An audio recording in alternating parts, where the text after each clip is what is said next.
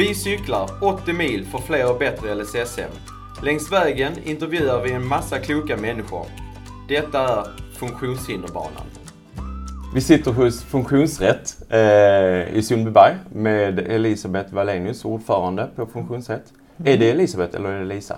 Jag kallas Lisa men jag heter Elisabeth så du sa helt rätt. Ja.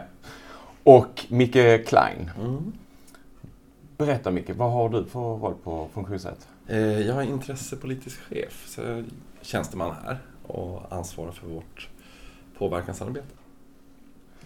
Det är jättekul att vi kan få ta en eh, liten eh, intervju med er. Eh, först och främst så skulle jag vilja att ni drar varsin fråga i den här lilla asken. Mhm. Du börjar där Micke. Ska jag börja? Oj, får jag ta först? Ska jag läsa den också direkt? Ja, eller om du, du kan läsa den till eh, Lisa. Ja, jag ställer frågan till Lisa. Okej. Vad hade du lagt ner i en tidskapsel för att bli ihågkommen? Vad hade jag lagt ner i en tidskapsel? Alltså det, mitt arbete för personer med funktionsnedsättning. Det skulle vara lite spännande om, om jag blir ihågkommen för det. Det är en väldigt fin sak att bli ihågkommen för. Ja, Ja. ja, jag har gjort någonting som kanske inte alltid handlar om eh, min, för mig själv. Alltså det är väldigt lätt att jobba för sig själv, att jobba för att tjäna pengar eller för att, eh, ja, för framförallt handlar det om det. Mm. Men att eh, göra någonting som inte bara handlar om det. Sen är jag glad att jag får lön för jobbet. ja. Lisa, vill du dra en eh, fråga? Ska vi se. Och nu ska jag fråga Micke förstår Mm. jag. Mm. Om du fick äta middag med vem som helst, vem skulle det vara? Oj. Ja, det måste ju vara någon levande person då gissar jag. Mm, Eh. mm, mer. Mm. Oj, vilken bra fråga. Jag tror, så spontant så tänker jag eh, Barack Obama. Eh, nu vet jag inte varför jag tänker på honom just, men jag tänker att lite som förebild, som ledare, eh, så verkar han vara en spännande person. Det var kom på spontant. Det hade väl varit en bra middagsgäst. Eh, Säkert, säkert. Ja. Jag har eh, ett gäng frågor här och ni Mm. får ju, Ni vet egentligen kanske bäst vem som kan svara på det bäst. Mm. Så ni får eh, shoot eh, mellan er. Vi börjar med, vad är Funktionsrätt Sverige och eh, varför behövs ni? Ja, det är en samarbetsorganisation för, de, för andra funktionshindergrupper. Alltså all, var och en har ju sitt eget... Eh, nej, var och en har ju inte sitt eget, men alltså det finns ju väldigt många olika organisationer. Reumatikerförbundet är ett, till exempel Epilepsiförbundet är ett annat. Nu tog jag ett stort och ett litet. Det finns 41 sådana olika funktionshinderorganisationer i vårt paraply. Och vår idé är ju då att vi ska eh, samverka om frågor som det går att samverka om. Sen har ju varje förbund sina egna hjärtefrågor. Men vi ska liksom driva på de frågorna som är gemensamma och som är viktiga för många. Och, och framförallt Vem är det ni driver på det till? Är det liksom politiker och... nu är ju eh, vi på nationell nivå Mm. eh, och då handlar det ju framförallt om, om riksdagspolitiker, eh, myndigheter under de olika departementen. Lyssnar man på er? Nej men alltså det är klart man lyft, lyssnar på oss. Eh, men för att lyssna till att verkställa är ju ibland otroligt långt. Mm. Eh, sen beror det lite på vad vi säger förstås. Därför att eh, det beror ju på hur, hur, den här, hur viktig den här frågan ses av allmänheten, utav politiker överhuvudtaget. Och många frågor kanske man ser som viktiga men man förmår ändå inte att förändra.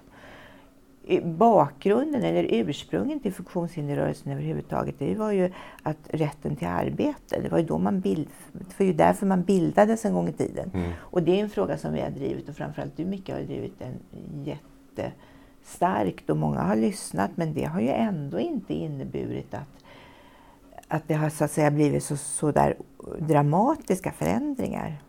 Eller? Mm. Det stämmer? Mm. Ja. Hur Och det handlar inte om att vi inte har drivit frågan för det, den, det har varit en fråga genom hela, eh, alltid. Som, Så om man ska generalisera lite så att om ni driver igenom en fråga så behöver ni först liksom göra den eh, till en allmän viktig fråga och sen så gå vidare till politiken och försöka få igenom Mm. den där. Ja, så kan man väl säga. Eh, Alltså det, vi har ju en kongress som eh, vi tar fram förslag på frågor till och så tar man beslut om dem. Mm. Vilka frågor är det absolut viktigaste att funktionsrätt driver? På eh, en hemsida så kan man läsa att ni har eh, olika fokusområden eh, de närmsta två åren. Och eh, ett utav dem är att återupprätta LSS intentioner. In, intentioner. Det där med långa ord har jag lite svårt för. Och ett mål med LSS är att den enskilda ska få möjlighet att leva som andra. På vilket sätt misslyckas kommunerna med att leva upp till detta när det kommer till bostadsfrågan? Alltså när det gäller... Eh, det finns ju en LSS-insats som heter särskilt boende. Eh, gruppbostäder och annat. Eh, och det är rätt många personer som har rätt till den insatsen. Det är den näst största LSS-insatsen. Den största är daglig verksamhet. Mm. Eh, många pratar ju mycket om personlig assistans men den, det är inte jättemånga som omfattas av det.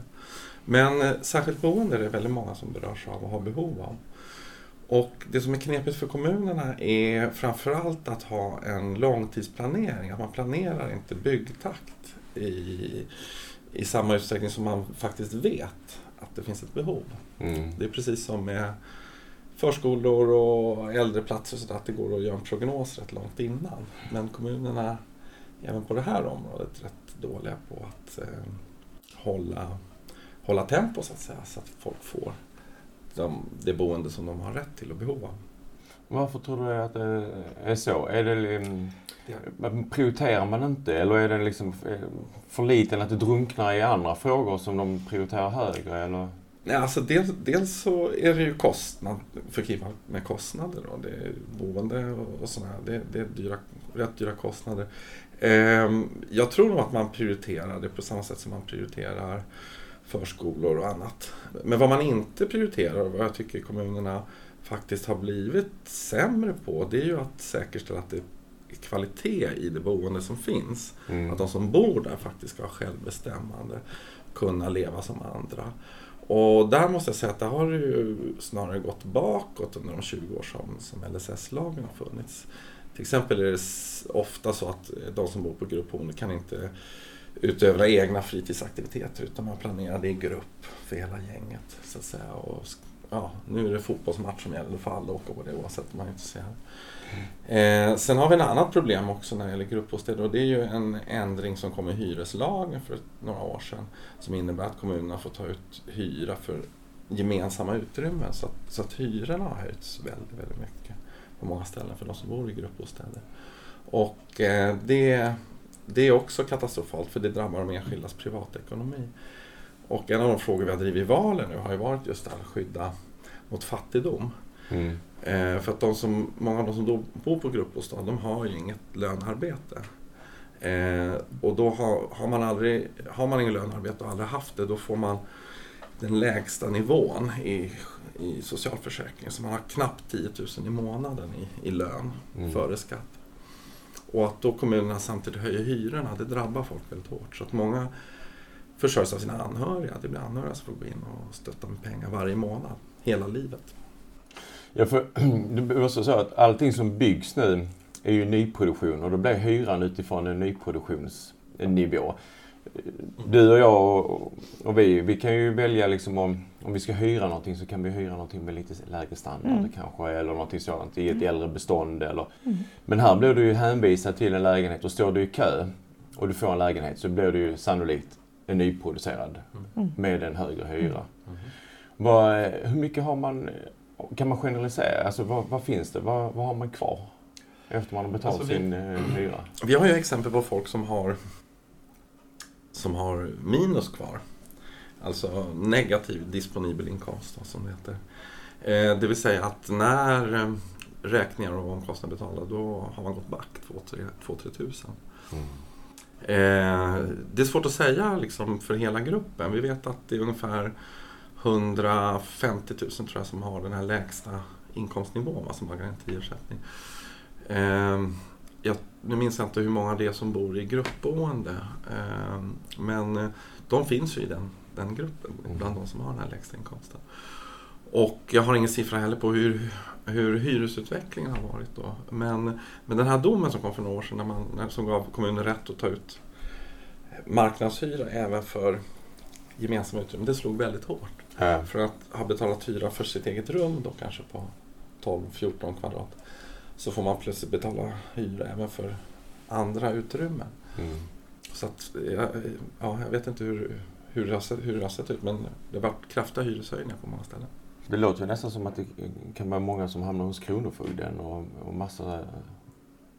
Om man har negativt eh, Ja. inkomst. Det låter ju inte som att det... Eh, man kan ju hamna hos Kronofogden om, eh, om man eh, har eh, obetalda skulder och sådär. De eh, flesta som har svårighet att sköta sin egen ekonomi, de har ju en god man Mm. eh, som stöd och sådär. Och eh, det, det finns ju den möjligheten att får man inte pengarna att gå ihop så kan man ju söka försörjningsstöd från kommunen, alltså det som tidigare hette socialbidrag.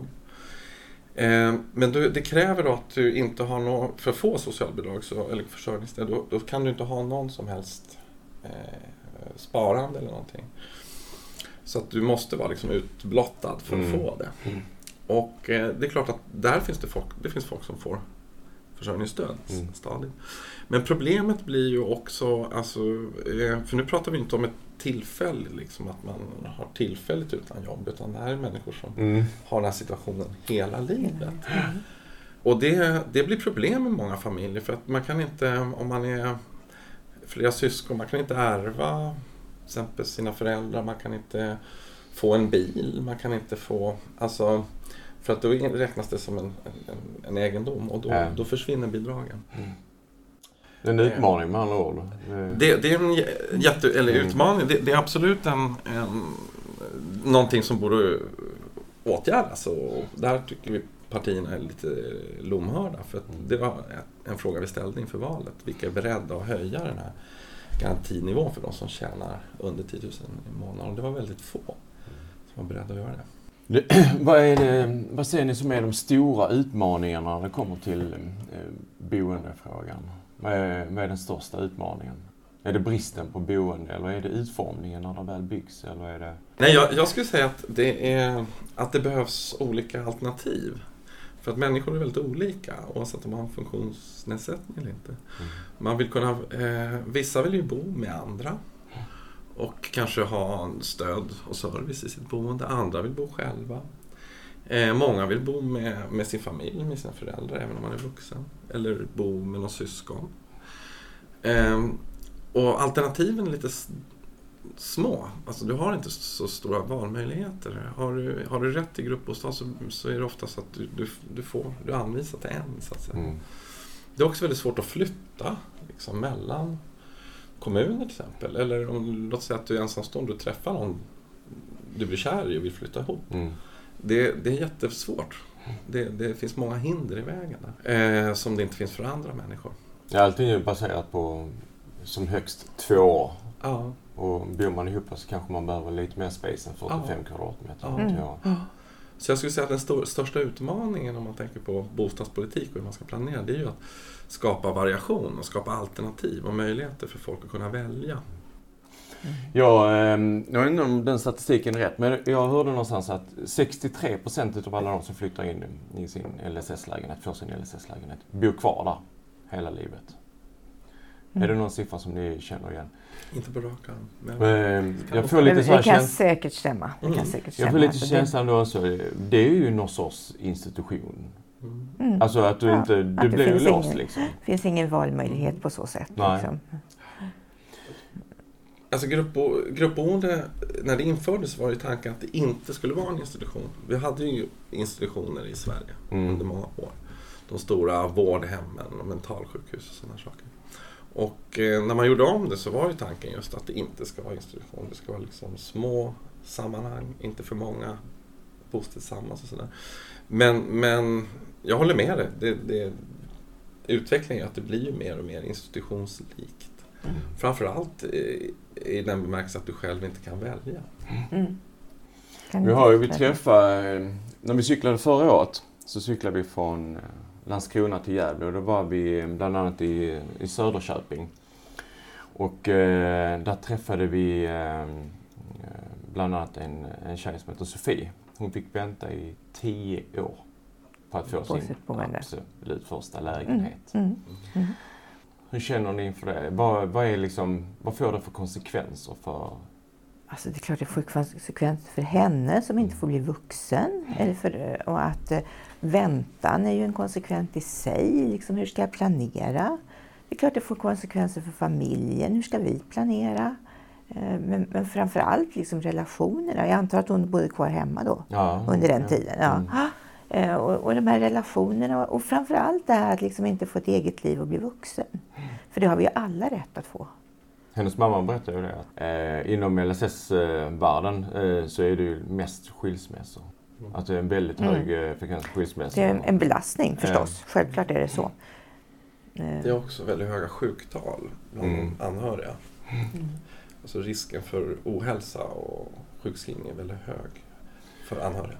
Varför tror ni det är sån brist på, på boenden och som det är? Vi, Boverket gick ju ut, eh, ska jag säga, vad blev det, förra våren med sin och då, eh, rapport. 54 procent av alla kommuner i landet har brist på Mm. LSS-lägenheter.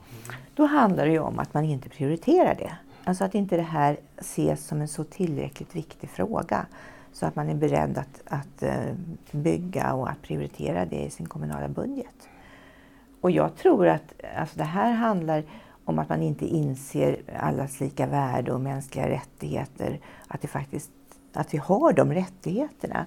Utan att det är på något sätt eh, det är inte självklart och det, är inte en, det finns inte en allmän kunskap och opinion om att vi har, alltså att det bara ska vara så här. Och, och vi strid, man strider ju i kommunerna för alla möjliga saker.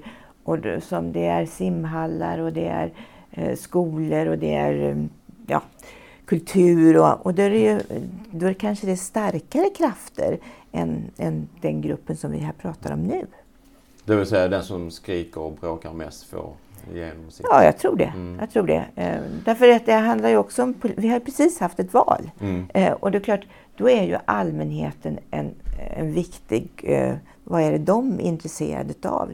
Det ser vi på valaffischerna. Jag vet inte, har vi sett mycket om, om boende på valaffischerna? Jag kan inte se någon. Nej, inte just kring boende. Just LSS har ju faktiskt varit uppe i mycket i valdebatten. Men då har det handlat väldigt mycket om personlig assistans. Ja. Ja, Ja. Och, det, det, och jag tror att eh, alltså allmänheten eh, generellt sett tänker att LSS det handlar om, om personlig assistans och det handlar om barn som inte får näring och inte kan andas. Mm.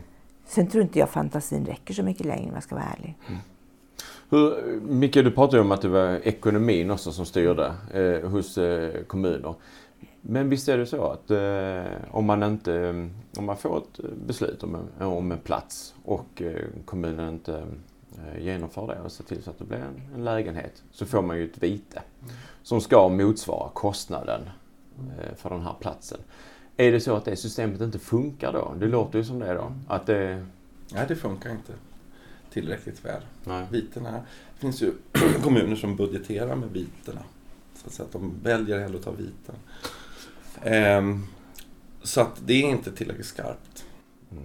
Vem är det IVO som... Eh, Tillsynar. ja, med vitet? Eller vem är det? Du, det vågar inte jag svara på. Nej, jag tror inte. Kan det vara IVO, eh, antingen IVO eller så är det länsstyrelserna. Men det vågar inte jag svara på på mm.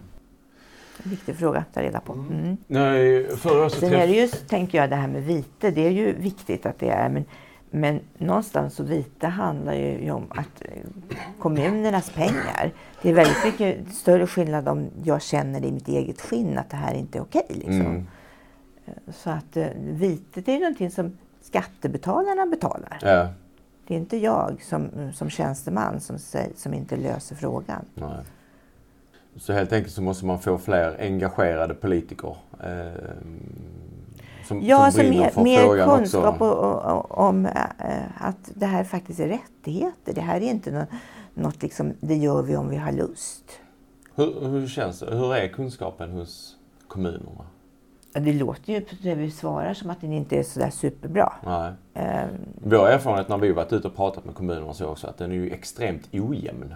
Det Mm. finns ju några som har så här rejäla eldsjälar och sånt och Mm. där händer det massa och sen Mm. så finns det kommuner där de här eldsjälarna saknas och då händer det liksom Mm. ingenting.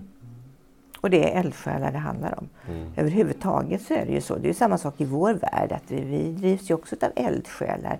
Men jag tänker att eh, det är jätteviktigt att, det, att man har duktiga handläggare som, som har mod och kraft att stå emot och, och tala om att så det här är fakta. Och det, då är det eldsjälar. Hur kan vi få ut den kunskapen som, som krävs för att kommuner ska prioritera LSS-frågan?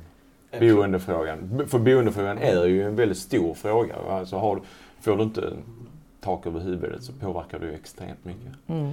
Jag tror det är bra, alltså ju fler som pratar om det ni gör till exempel, alltså sätta fokus på frågan, att intressera folk.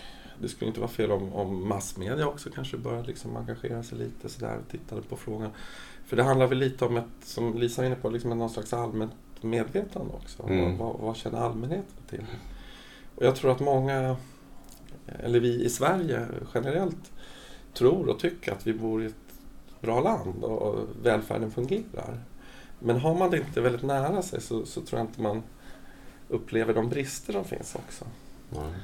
Så att jag tror att det handlar väldigt mycket om att prata om det, få fokus på frågorna. Och också ta, ta, ta, ta fundera ett varv till. Inte bara liksom så här se det på ytan utan vad har, handlar det om för människor? Och vad handlar det om för deras livskvalitet? Mm. Och vad, vad, vill, vad vill vi ha för samhälle som, som, som gemene man och som skattebetalare? Eh, och, och då tycker jag att eh, tittar vi just på LSS, och det är inte jättemånga människor totalt sett som tillhör LSS personkrets, sett till hela befolkningen. Men LSS kom ju till av en väldigt viktig anledning för att det, det är de människor som har absolut störst behov av stöd. Mm. Och även om inte det är många så är ju då det stödet desto viktigare. Och jag tror att de flesta av oss eh, skulle skriva på att vi vill bo i ett land där, där de som har störst behov också får det stödet. Så att jag tror att det, eh, det finns en, en Mångas värderingar går i den riktningen. Liksom. Jag tror att folk, gemene man, eh, har den, de värderingarna. Men jag tror det är en kun, kunskapslucka Mm. enkelt. Man känner inte tillräckligt. Så om någon lyssnar på den här podden som har inflytande på TV4 eller SVT så kan vi hoppas att de tar upp det här så att vi når ut till allmänheten. Absolut. Absolut. Det Ibland görs det, men det är alldeles för sällan. Men, men eh, ja. Vi har stött på liksom när vi har cyklat. Det finns väldigt god kunskap på vissa kommuner och väldigt mycket mindre kunskap på många kommuner. Och sen så finns det goda exempel på jättebra bostäder och eh, sämre exempel. Jag får uppfattningen att det liksom inte finns något samarbete mellan kommunerna heller utan eh, jag tänker framförallt mindre kommuner. Om du inte har byggt någonting, du ska bygga ett LSS gruppboende till exempel Mm. och du är en mindre kommun och du har inte gjort det på tio år. Var hämtar man den kunskapen någonstans? Eh, och hur, hur ska man kunna få kommuner till att samarbeta? Till de som har byggt Mm. väldigt mycket, som har goda erfarenheter. Jag tycker eh, det är en fråga om... eh, Alltså, du är inne på en jätteviktigt spår, alltså kunskap och kompetens, alltså kunnande. Eh, och eh, jag, jag tror att det skulle behövas en, en kompetenssatsning för personal på olika nivåer som har kopplat till det här. Nu pratar du om byggande då och då är det ju stadsplanerarna i kommunen som, som behöver kompetens höjas och kanske träffa andra kommuner. Och där skulle ju exempelvis SKL kunna dra ihop till regionala nationella konferenser någon gång per år eller någonting och ha det här som tema. Det skulle vara bra tillfälle för att byta erfarenhet eller visa goda exempel. För det finns ju goda exempel också. Va? Mm. Men, men det här med kunskap och kompetens är jätteviktigt och, och där vet vi ju, och det handlar ju både om också om de som jobbar i LSS-verksamheter, alltså som boendestödjare eller på, eh, i gruppboenden. Det är ju, och där har vi ju en dialog med de fackliga organisationerna. Och LO, eller Kommunal gjorde till exempel en undersökning och 60 procent av deras medlemmar som jobbar då i LSS-verksamheter tyckte att de hade till, eh, tillräcklig kompetens. Men det är 40 som inte Ja. tycker det. Va? Och tittar vi också på tjänstemannasidan då, som handlägger, LSS-handläggare och så där, där är det samma sak där. Va? Att Vision, då fackförbundet Vision och Akademikerförbundet SSR som organiserar dem har ju också gjort sådana här medlemsundersökningar där de, de upplever att de där, där är inte kompetens efterfrågan, men där upplever de otrygga anställningsförhållanden och att det är en stor personalomsättning. Mm. Och det är ju också ett problem i många kommuner att man lyckas inte behålla personal, LSS-handläggare exempelvis. Eh, till och med då de som är ansvariga i kommunen, socialcheferna, är det många som uppger, jag tror det var sex av tio, att de inte lyckas uppfylla lagen på grund av de begränsningar de har. Så det här är ju allvarliga signaler också från professionen. Mm. Och de är ju, det är ju viktiga grupper. Mm. Eh, och där tror jag att, att staten, regeringen, skulle kunna gå in med ordentliga kompetenssatsningar. Man, man har, eh, gjorde en satsning för några år sedan. Eh, kommer inte ihåg hur många hundra miljoner man anslog för att, som kommunerna fick för att kompetensutveckling. Men där, den största delen av det gick inte till de personal som jobbar inom funktionshindersomsorg utan det var inom äldreomsorg. Okay. Så att jag tror det skulle behövas öronmärkta pengar. Det här går till folk som jobbar i LSS-boenden, mm. LSS-handläggare.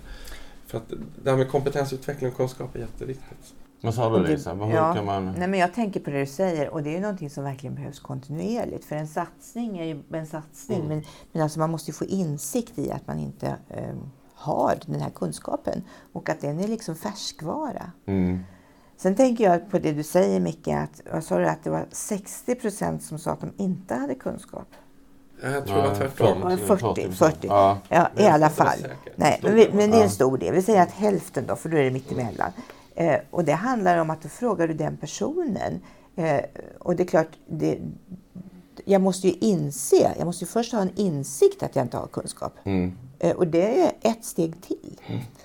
Och jag tänker att överhuvudtaget människor som möter personer med funktionsnedsättning Sorry. Nej, men alltså personer som eh, i sin profession möter människor bör ju ha kunskap om, om funktionshinder och det har man inte. Mm. Det har man inte på vårdutbildningar. Polisen har det uppenbarligen inte som ska möta människor som, eh, som gör brott eh, eller utsätts för brott. Eh, undersköterskor har det inte. Socialtjänsten har det väl i viss del, men jag, jag kan tänka att jag kan bli socionom utan att överhuvudtaget kunna de, de här delarna. Och det tycker jag är otroligt olyckligt för att då hamnar man verkligen i det här, en knepig situation. Att det är någon som tror sig ha en, en utbildning och en kompetens och så stämmer inte det överens. Nej. Där behöver vi satsa jättemycket.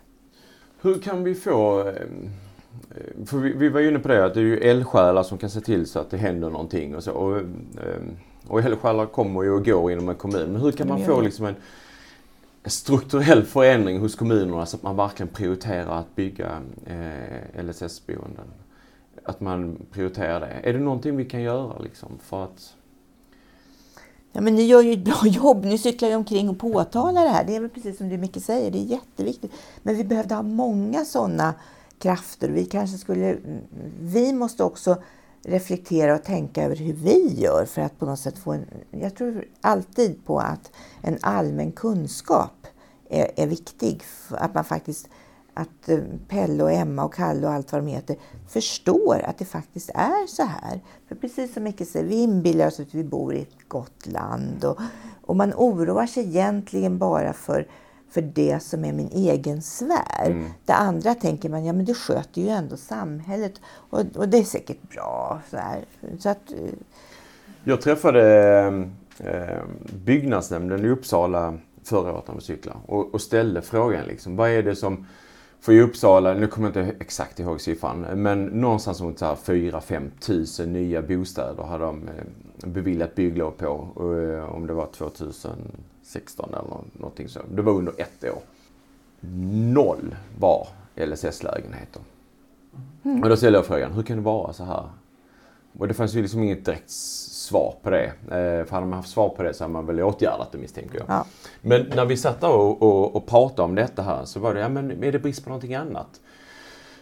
Nej, för när vi planerar, gör detaljplaner så måste vi ha med skolor, vi måste ha med förskolor, och då kan man ju ställa sig frågan, varför måste man inte ha med mm, mm, LSS då? Mm, mm, man planerar ju in, alltså även likadant när du gör större detaljplaner så planerar du in handel och du planerar in, mm, alltså du ska kunna handla någonstans och så. Hur, hur, Hur ska man kunna få dem då till att man även liksom prioritera att man stoppar in ett LSS-gruppboende något Man har ju inte insikt om hur befolkningen faktiskt ser ut. Alltså vad är, det, vad är det för människor som bor här och vad är det för människor som ska bo här? Och det är ju precis det du pratade om tidigare, planeringen. Man förstår liksom inte att, att den här lilla ungen med funktionsnedsättning kommer att fylla 18 och sen kanske där någonstans mm, inom de närmaste åren så ska den bo, flytta någon annanstans för den ska inte bo hemma. Alltså man blir ju faktiskt lite förbannad när man... Alltså för det underlaget finns ju då. De går i skolan och finns i kommunen Ja. idag. Man har en ålder på dem. Man vet ungefär när man vill flytta hemifrån. Ja, det är ju det- inte så svårt liksom att Nej. se hur underlaget kommer att se ut längre fram. Detta är ju egentligen det absolut smidigaste som du kan planera. Ja. Och de allra flesta, tänker jag, det är klart det kan hända att, att man hamnar i ett LSS-behov för att man, det händer någonting. Men många föds ju med olika funktionsnedsättningar. Och, så att det, och de kanske går i särskolan eller på något sätt får insatser tidigare. Så att det är inte så att det är barn som bara helt plötsligt plopp, som, det här hade vi ingen aning om. Mm. Nej, Utan det, det handlar om att räkna. Och i den här stadsdelen eller i den här delen av vårt samhälle så bor det så här många och det kommer att vara så här i framtiden. Det kan vi med tummen upp mellan tummen och pekfingret ganska väl räkna ut. Så det är bara dåligt. Får vi hitta någon sån här beräkningsmodell. De bara kan liksom trycka i hur många går i skolan idag och vad är deras Ja. ålder och sen så Ja. kommer det upp så här många bostäder måste ni ha. Och helt plötsligt kanske man kan räkna ut vilket år det är också. Det är fantastiskt. Ja. Nej, men jag, jag tror ju att den, den kunskapen finns. Det är som Lisa säger, man har, det, det är inte så svårt att göra. Sen tror jag det kan ju vara brister inom kommunen. Att då kanske inte stadsbyggnaderna har pratat ordentligt med Mm. socialförvaltningen till exempel. Så att säga. Men, men eh, det, det borde ju inte vara någon svårighet. Men eh, jag tror att eh, vi har, pratat, vi har pratat om kunskapshöjning och så, det, det är viktigt. Men jag tror ju också på att det måste till liksom, ordentliga styrmedel. Mm. Och idag är det ju så att det är ju länsstyrelserna som, som övervakar vad kommunerna gör och liksom kan, kan anmärka. Och där tror jag det måste till lite skarpare verktyg. Viten var vi inne på förut, ju ett liksom, så att säga. men jag tror ju både på piska och morot. Va? Och jag tror piskan behöver bli lite hårdare. Och sen Mm. kan det ju behövas några morötter också för att satsa på kompetens. Men, men, men det är för passiv hållning för att vi har ju lagstiftning som säger att människor har rätt till det. Och det finns en lag som säger att eh, eh, ja, bland annat LSS-insatser. Och då är det inte okej att, att kommuner bryter mot den lagen. Och då är det inte okej att man planerar, vi tar hellre ett vite och, och bryter mot lagen än att vi följer den. Det, det, det är inte okej. Vi har ju pratat om bristen, men de, vid de tillfällena som det faktiskt byggs, för det byggs ju en del också, som tur är. Hur upplever ni då eh, de personer som har eh, funktionsvariation och så kommer att bo eh, i de här lägenheterna? Får de vara med och påverka? Jag tror det är rätt liten utsträckning. Jag tror man är rätt dålig på det här med att hämta in, höra de som faktiskt berörs. Jag tror att de som, de, där det finns eldsjälar som du var inne på, där det finns en god vilja och sådär, där, där gör man nog mycket för att kvalitetssäkra. Men, men det finns ju också exempel på till, eh, alltså kommuner som börjar bygga större och större anläggningar. Liksom en, en, en gruppbostad får vara högst sex lägenheter men då travar de på olika våningar i samma hus. Va? Mm. Och så kanske man lägger in den dagliga verksamheten i samma hus också. Och då börjar vi bli snubblande nära våra gamla institutioner igen. Mm. Man går man liksom läm- allt under ett tak. Och just de här stora ehm, stora enheterna, det, det går stick i stäv med tanken eh, om att människor ska kunna leva som andra. Eh, i, ute i samhället och integreras. Så att eh, där finns det ju någon slags, eh, vad ska man kalla det, teknokrati, liksom, någon byråkrati som tänker nu är vi effektiva, nu gör vi det här billigt och effektivt. Och vi har ex- exempel på att man slår ihop dagliga verksamheter, så små fungerande enheter, till stora, Mm. som man centraliserar. Och där vet vi av historien att det där är inget bra. Nej. Sen handlar det om ett, hur ett speciellt förhållningssätt och en möjlighet att få de här personerna att komma till tals. Mm. Eh, och då handlar det kanske inte bara om liksom att nej, nu bor jag i den här lägenheten och då får jag välja mat. Liksom, utan det handlar om ett sätt att, att liksom locka fram. Och, och som du frågade om planering från början, det tror jag ytterst sällan. Och dessutom så vet jag ju inte var jag överhuvudtaget får chans att bo. Nej. Eh, Utan ofta så är det nog så att man, får, man blir glad för att man får någonstans att bo. Mm. Och då har man inte varit med i planeringen från början. Man kanske möjligtvis får välja färg på sitt överkast. Nej, nu raljerar jag. Men, Ja, men men, alltså förstår du vad jag Ja, menar? att, det, att det här krävs ju också kompetens för att locka fram alltså, de, de egna synpunkterna på ett, ett bra sätt. Och Men få du- vara delaktig. Det är ett jobb. Jag kan tycka både liksom, eh, när man bygger då så eh, alltså, tittar man på den, den fysiska tillgängligheten så eh, den har man med för då måste man enligt BBR. Ja, Eh, ja. Den är ju inte så svår att ha med heller. Nej, exakt. Eh, men man tittar liksom inte, den kognitiva tillgängligheten får inte riktigt plats. Och det, det kan jag tycka är liksom, det är ett stort problem om, om varken de tilltänkta hyresgästerna får vara med och tycka till och att man heller inte har med den kognitiva den tillgängligheten så, så blir det ju inte riktigt bra. Vad, eh, är, är min syn i alla fall. Vad, vad, har ni någon? Nej, men jag tänker så här att varför det är så här, det är ju för att det är alltid mycket lättare att, att prata och att hantera de fysiska tillgängligheten. För det kan vi på något sätt tänka in i. Där har vi också haft mycket starkare röster som har drivit just den fysiska tillgängligheten. Därför att man har kunskap om det själv. Och jag som tjänsteman eller politiker, jag kan tänka in och förstå. Eh, Den kognitiva delen är ju svårare för då krävs det ju verkligen kunskap hos mig som lyssnar också. Att, att fundera på vad, vad är det här? Jag måste locka fram det. Så att, eh, men det är ju alltså inte mindre, kanske till och med mera viktigt att ta hänsyn till det. Absolut. Hur kan, har, har ni någon liksom roll, kan ni ha någon roll i um, att- sprida den kunskapen om att man även ska titta på den kognitiva tillgängligheten? Eller få kommunerna att planera in eh, LSS-bostäder när man gör detaljplaner? Absolut. Det har vi ju. Alltså när vi pratar om tillgänglighet och, och, och utveckla det. Där, tack och lov ska jag säga att har, tycker jag har blivit mer fokus på kognition under senare år. Mm. För tio år sedan var det väldigt få som pratade om det. Eh, och det, vi ser också att det går framåt i viss lagstiftning till exempel när det gäller arbetsmiljölagen så börjar man fokusera på kognition och psykisk hälsa och sådär. Var mer från att tidigare varit fokusera på det fysiska, liksom, fysisk arbetsmiljö.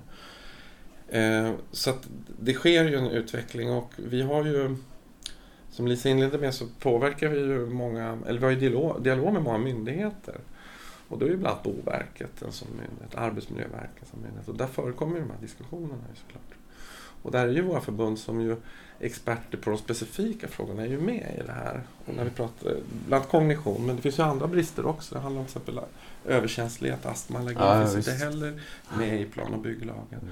Så det ställer till det jättemycket för de som har de problemen. Jag hoppas att ni får framgång på det området och väldigt fort och att de lyssnar på er. I förra poddavsnittet så träffade vi Magnus på Myndigheten för delaktighet. Ja. Han fick möjligheten att eh, ställa en fråga till er. Mm. Och den lyder. Vart kan funktionshinderrörelsen göra mest effekt för att de här frågorna ska få genomslag? Och nu pratar vi om boendefrågorna. Ja. Mm. Mm. Bra fråga. Ja. Tack Magnus.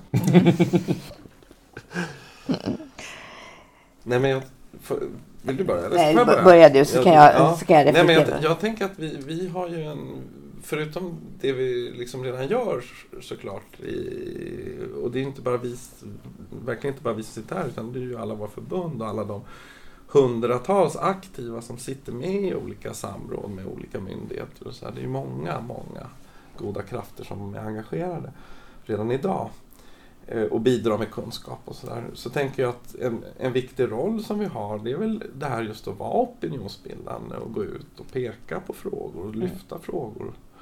Eh, och där tänker jag att just det här med kring boende har ju inte varit någonting som vi har eh, Vi har ju haft det uppe men inte, inte jättemycket Utan det har varit många andra frågor. Men LSS är ju en fråga som är på tapeten. Det finns ju en statlig utredning nu.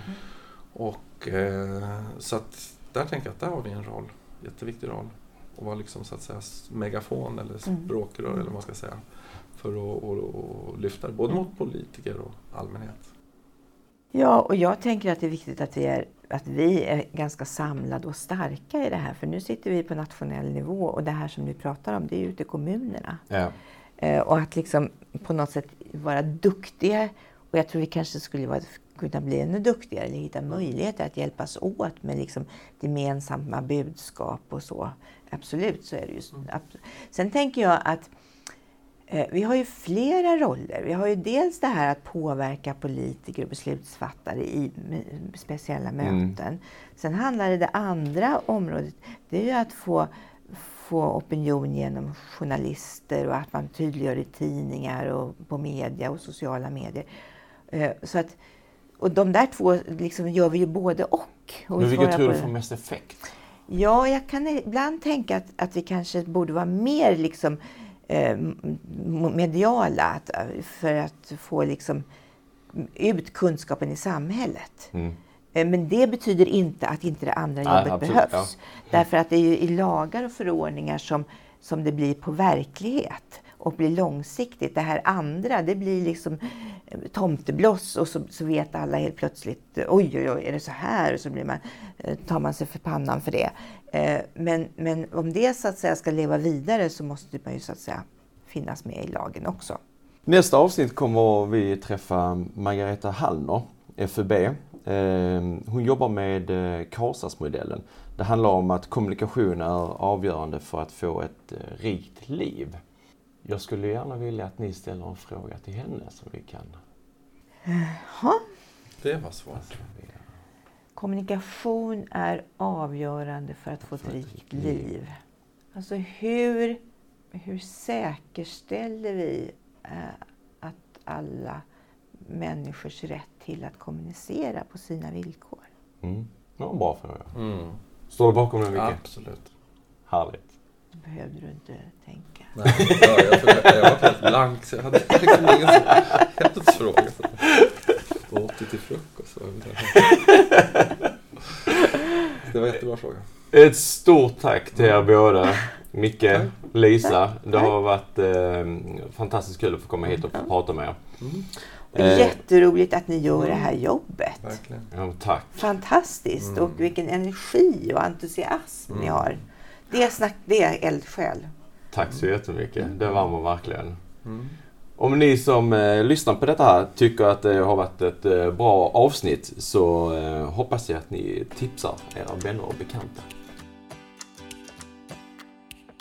Funktionshinderbanan presenteras i samarbete med Emrahus, Trident Hemfosa, Nordic Choice och psykolog Bo Hellskov, LV.